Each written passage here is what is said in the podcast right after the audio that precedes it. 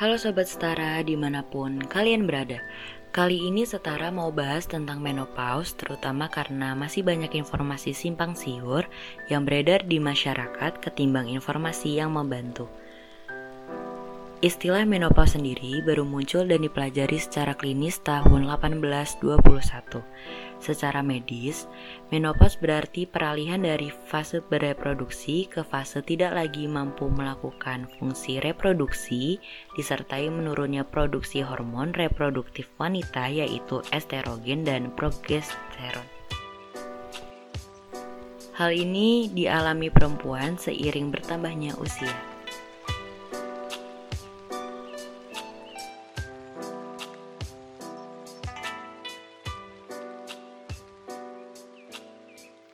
Masa peralihan ini tidak terjadi begitu saja, tetapi disertai dengan gejala fisik dan psikologis yang dapat menimbulkan keresahan.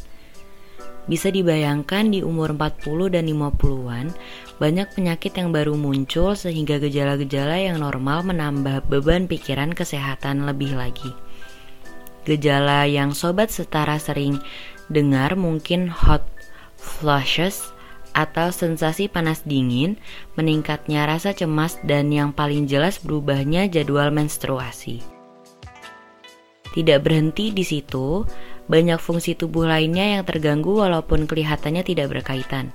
Seperti lemas atau kurang cepat bereaksi ini sebenarnya disebabkan pengaruh menopause pada sistem saraf dan otot. Bisa dibayangkan gejala-gejala ini membuat seorang perempuan merasa tua lebih cepat, yang dulunya gesit sekarang menjadi lebih lambat. Dalam jangka panjang, kondisi fisik yang paling meresahkan adalah meningkatnya risiko osteoporosis dan penyakit kardiovaskular seperti serangan jantung, penyumbatan pembuluh darah, dan lainnya. Selain gejala yang dialami wanita itu sendiri, gejala-gejala fisik dapat mempengaruhi hubungan wanita menopause dengan lingkungannya. Mulai dari suami karena menurunnya sensitivitas dan lubrikasi area vagina, ditambah menurunnya atau naiknya berat badan. Makanya sama tapi kok naik ya berat badannya? Mengingat banyak perempuan yang sudah insecure dengan berat badan dan bentuk tubuh mereka, menopause dapat memperburuk kepercayaan diri sampai kesehatan mental mereka.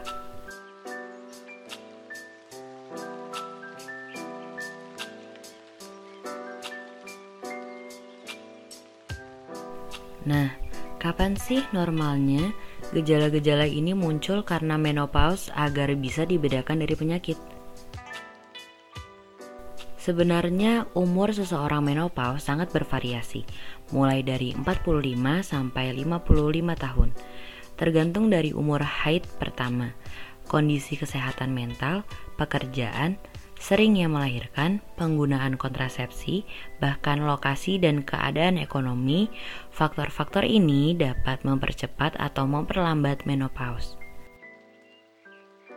Walaupun menopause bukanlah penyakit, kurangnya informasi seputar menopause dapat menimbulkan kekhawatiran yang tidak perlu karena gejala yang tidak diantisipasi sebelumnya, apalagi ditambah penanganan yang salah.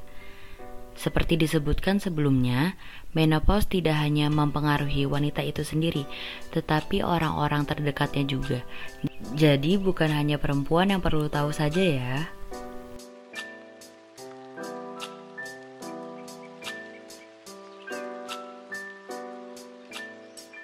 Gejala menopause yang sobat setara juga pasti sering dengar, yaitu menopause sering dianggap masyarakat sebagai masa labilnya kondisi psikologis seperti mudah tersinggung, mood swing, depresi, cemas atau stres berlebih. Hal-hal seperti sering kelupaan, mood tidak menentu tentu sangat mempengaruhi hidup bersosialnya karena perubahan-perubahan ini mempengaruhi interaksi wanita dengan orang-orang terdekatnya sehingga peran keluarga menjadi sangat dibutuhkan untuk menangani tantangan ini bersama. Dengan pengertian bahwa menopause tidak sekedar mempengaruhi fisik tetapi juga psikologis, dapat dicari pendekatan psikologis untuk menghadapinya. Untuk menghadapi tantangan bersama secara komunitas, diperlukan peningkatan kesadaran dalam skala besar sehingga perlu dikumpulkan usaha dari para pakar dan pemegang kepentingan. Maka itu dibentuklah International Menopause Society atau IMS yang menetapkan hari ini tanggal 18 Oktober sebagai hari peringatan menopause.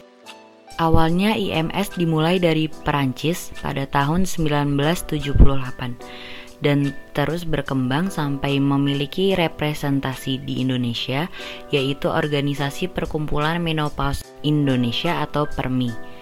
Tema yang diangkat tahun ini oleh IMS adalah tema yang sangat relevan bagi kesehatan wanita di masa menopause yaitu osteoporosis atau tulang kropos terutama bagi perempuan yang tidak aktif, kurang makanan bernutrisi atau kurang vitamin D, resikonya meningkat karena menopause. Apalagi karena wanita jarang dianggap perlu aktivitas fisik yang hanya dianggap keren untuk laki-laki, dituntut untuk selalu diet dan tidak boleh terkena sinar matahari sehingga kurang vitamin D.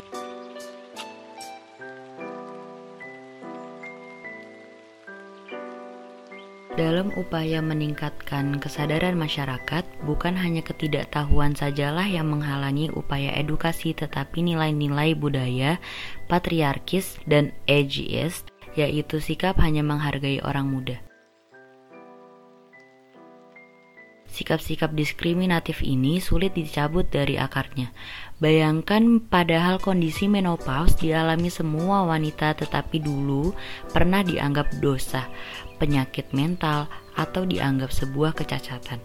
Bahkan sampai sekarang di zaman medis masih banyak mitos yang beredar. Apa saja mitos atau kepercayaan merusak yang masih dianut oleh masyarakat patriarkis secara luas? Pertama, wanita menopause dianggap sudah lewat waktunya di masyarakat yang menilai arti perempuan dari fungsi reproduksinya. Ia dianggap sudah lengser dari peran sebagai istri dan ibu. Istilahnya, seorang wanita sudah dianggap expired saat menopause karena masyarakat masih menilai harga perempuan dari fungsi reproduksinya. Padahal kan wanita itu bukan barang. Perannya sebagai istri menurun karena daya tarik seksualnya dikira menurun seperti yang sobat dengar sebelumnya. Kedua, Walaupun perubahan hormon berpengaruh terhadap mood perempuan secara wajar, banyak yang menganggapnya sebagai goncangan jiwa. Pandangan seperti ini sangat disempowering bagi perempuan. Wanita dibuat merasa ada yang salah pada dirinya, mereka dibuat merasa gila atau kadaluarsa sehingga menjadi pesimis dan kurang percaya diri. Sayangnya kepercayaan macam inilah yang, di, yang lebih diterima oleh masyarakat. Melanggengkan kepercayaan yang mempermalukan perempuan seperti ini membuat percakapan tentang menopause menjadi tabu sehingga perempuan dibungkam mengenai kondisi tubuhnya. Masalahnya, cara berpikir dan kata-kata yang kita gunakan sendiri di masyarakat sudah begitu terkolonisasi oleh patriarki. Artinya, bahasa yang biasa kita gunakan sama sekali tidak netral. Ada konotasi negatif yang terkandung saat membahas menopause sehingga diperlukan cara pandang feminis untuk bergerak menjauh dari bias yang sudah begitu tertanam dan berakar dalam bahasa sehari-hari.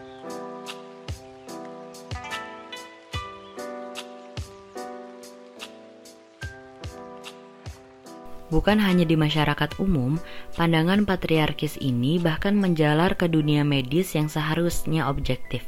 Bayangkan, dulu seorang dokter melebeli menopause sebagai kegilaan yang berasal dari uterus atau rahim. Lalu solusinya, rahim diangkat padahal tidak ada masalah apa pun pada rahim. Prosedur histerektomi ini sangat merusak apalagi jika tidak berhasil. Di zaman tersebut, operasi masih belum secanggih sekarang, sehingga banyak komplikasi dan infeksi. Seorang psikiater, Henry Outsley, mengatakan menopause mengakibatkan nymphomania atau timbulnya hasrat seksual berlebih pada sebagian wanita.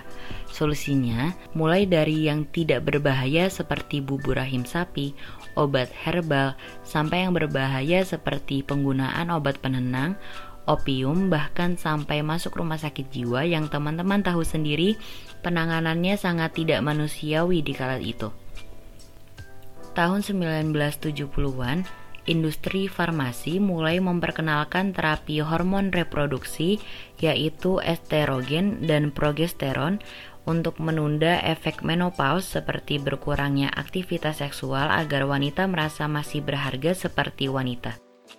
Namun terapi ini mengundang banyak masalah kesehatan seperti kanker termasuk kanker payudara, penyakit kardiovaskular, penyumbatan pembuluh darah, serangan stroke, dan penyakit kantung kemih. Pendek kata, Dunia medis melebeli menopause yang alamiah seperti sebuah kegilaan dan memberi solusi atau pengobatan yang malah memperparah masalah. Label itu sendiri sangat kuat dan merusak karena datang dari dunia medis yang dipercaya banyak orang. Kenapa begitu ya? Padahal dunia medis kan katanya objektif. Dunia medis yang seperti ini terbentuk karena akademisi atau orang-orang di dalamnya masih memiliki bias misoginis Para pakar dan ahli adalah orang-orang yang berasal dari lingkungannya dan menyerap nilai-nilai dari lingkungannya. Belum lagi industri farmasi yang mengambil kesempatan dalam kesempitan. Jika wanita merasa menopause adalah hal yang salah, mereka akan lebih rela mengeluarkan uang untuk terapi hormon, padahal terapi ini lebih banyak merugikan daripada menguntungkan wanita. Ini bukan berarti menopause tidak perlu mendapat penanganan medis sama sekali, tetapi dunia medis yang katanya objektif ini pun perlu dirombak dalam pendekatan feminis.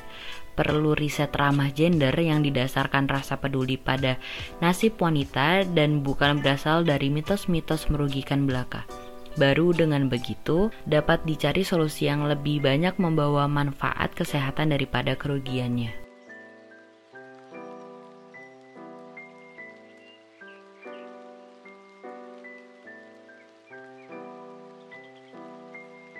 Terakhir, dimensi masyarakat yang masih memperlakukan wanita dengan diskriminatif saat menghadapi menopause adalah dunia kerja. Saat topik ini diangkat oleh pekerja, rekan kerja atau atasan bukannya mengakomodasi fase yang wajar ini, tetapi mengkritik atau malah melecehkan. Masalah ini tidak dianggap cukup serius oleh atasan, padahal gejala yang ada tercatat menimbulkan lebih banyak absen sehingga mempersulit wanita berpartisipasi dalam sektor ekonomi. Menopause menambah satu dari segudang ketidakadilan ekonomi lainnya. Contoh ketidakadilan lainnya adalah memperlakukan wanita di dunia kerja selayaknya laki-laki yang tidak memiliki hambatan secara fisik karena fungsi reproduksi mereka seperti menstruasi, kehamilan, dan menyusui.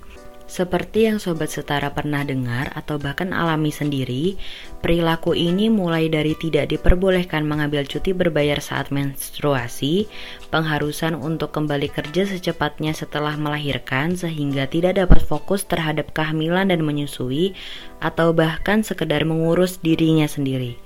Tempat-tempat kerja yang inklusif sudah ada yang membuat kebijakan yang mengakomodasi wanita melalui fase kehidupan ini dengan lebih setara tetapi masih jarang yang menganggap menopause sebagai sesuatu yang perlu ditanggapi secara serius. Akibatnya, belum ada banyak kebijakan tertulis yang ramah bagi wanita menopause. Langkah pertama yang diambil dapat dimulai dari sederhana meningkatkan kesadaran bagi staf laki-laki akan fenomena natural ini.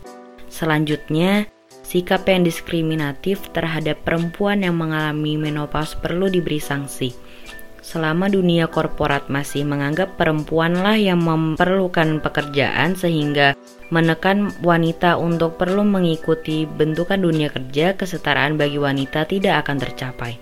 Padahal saat wanita dipenuhi kebutuhannya, mereka akan dapat berkontribusi lebih baik bagi dunia korporat.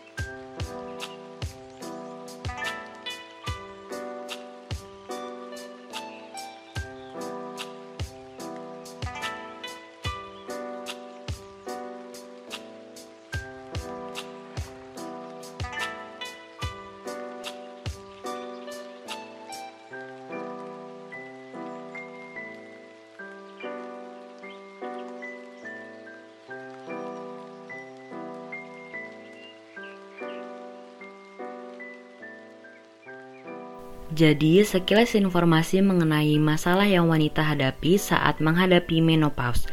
Semoga Sobat Setara dapat menjadi agen pemberantas mitos-mitos yang meremehkan perempuan dan mengangkat suara dari tempat kalian masing-masing dimulai dari keluarga, teman-teman, media sosial, atau bahkan ada juga yang terlibat dalam bidang kesehatan dan bidang kerja. Tentu saja masih banyak yang perlu dipelajari tentang menopause dan pencarian solusi yang kreatif secara luas.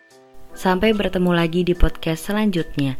Demikian podcast Setara Lain ID hari ini. Semoga siniar kami bermanfaat bagi sobat sekalian dan kami memohon maaf apabila banyak kekeliruan ketika menyampaikan siniar ini. Jikalau ada kritik dan saran atas siniar ini, silakan tuliskan komentar sobat ke email kami di kitasetara.indonesia@gmail.com dengan subjek, email, kritik, dan saran atau sobat bisa DM kami di Instagram at setara.line.id atau di Twitter kami at setara.line.id dan untuk referensi lebih lengkap tentang siniar ini bisa sobat cek di unggahan di Instagram kami Sobat juga bisa mendukung konten ini dengan cara membagikan ke sosial media sobat serta follow kami di Twitter dan Instagram. Untuk berdiskusi dengan kami, sobat bisa bergabung di open chat line setara line ID. Terima kasih sudah mendengarkan dan sampai bertemu lagi di episode podcast selanjutnya.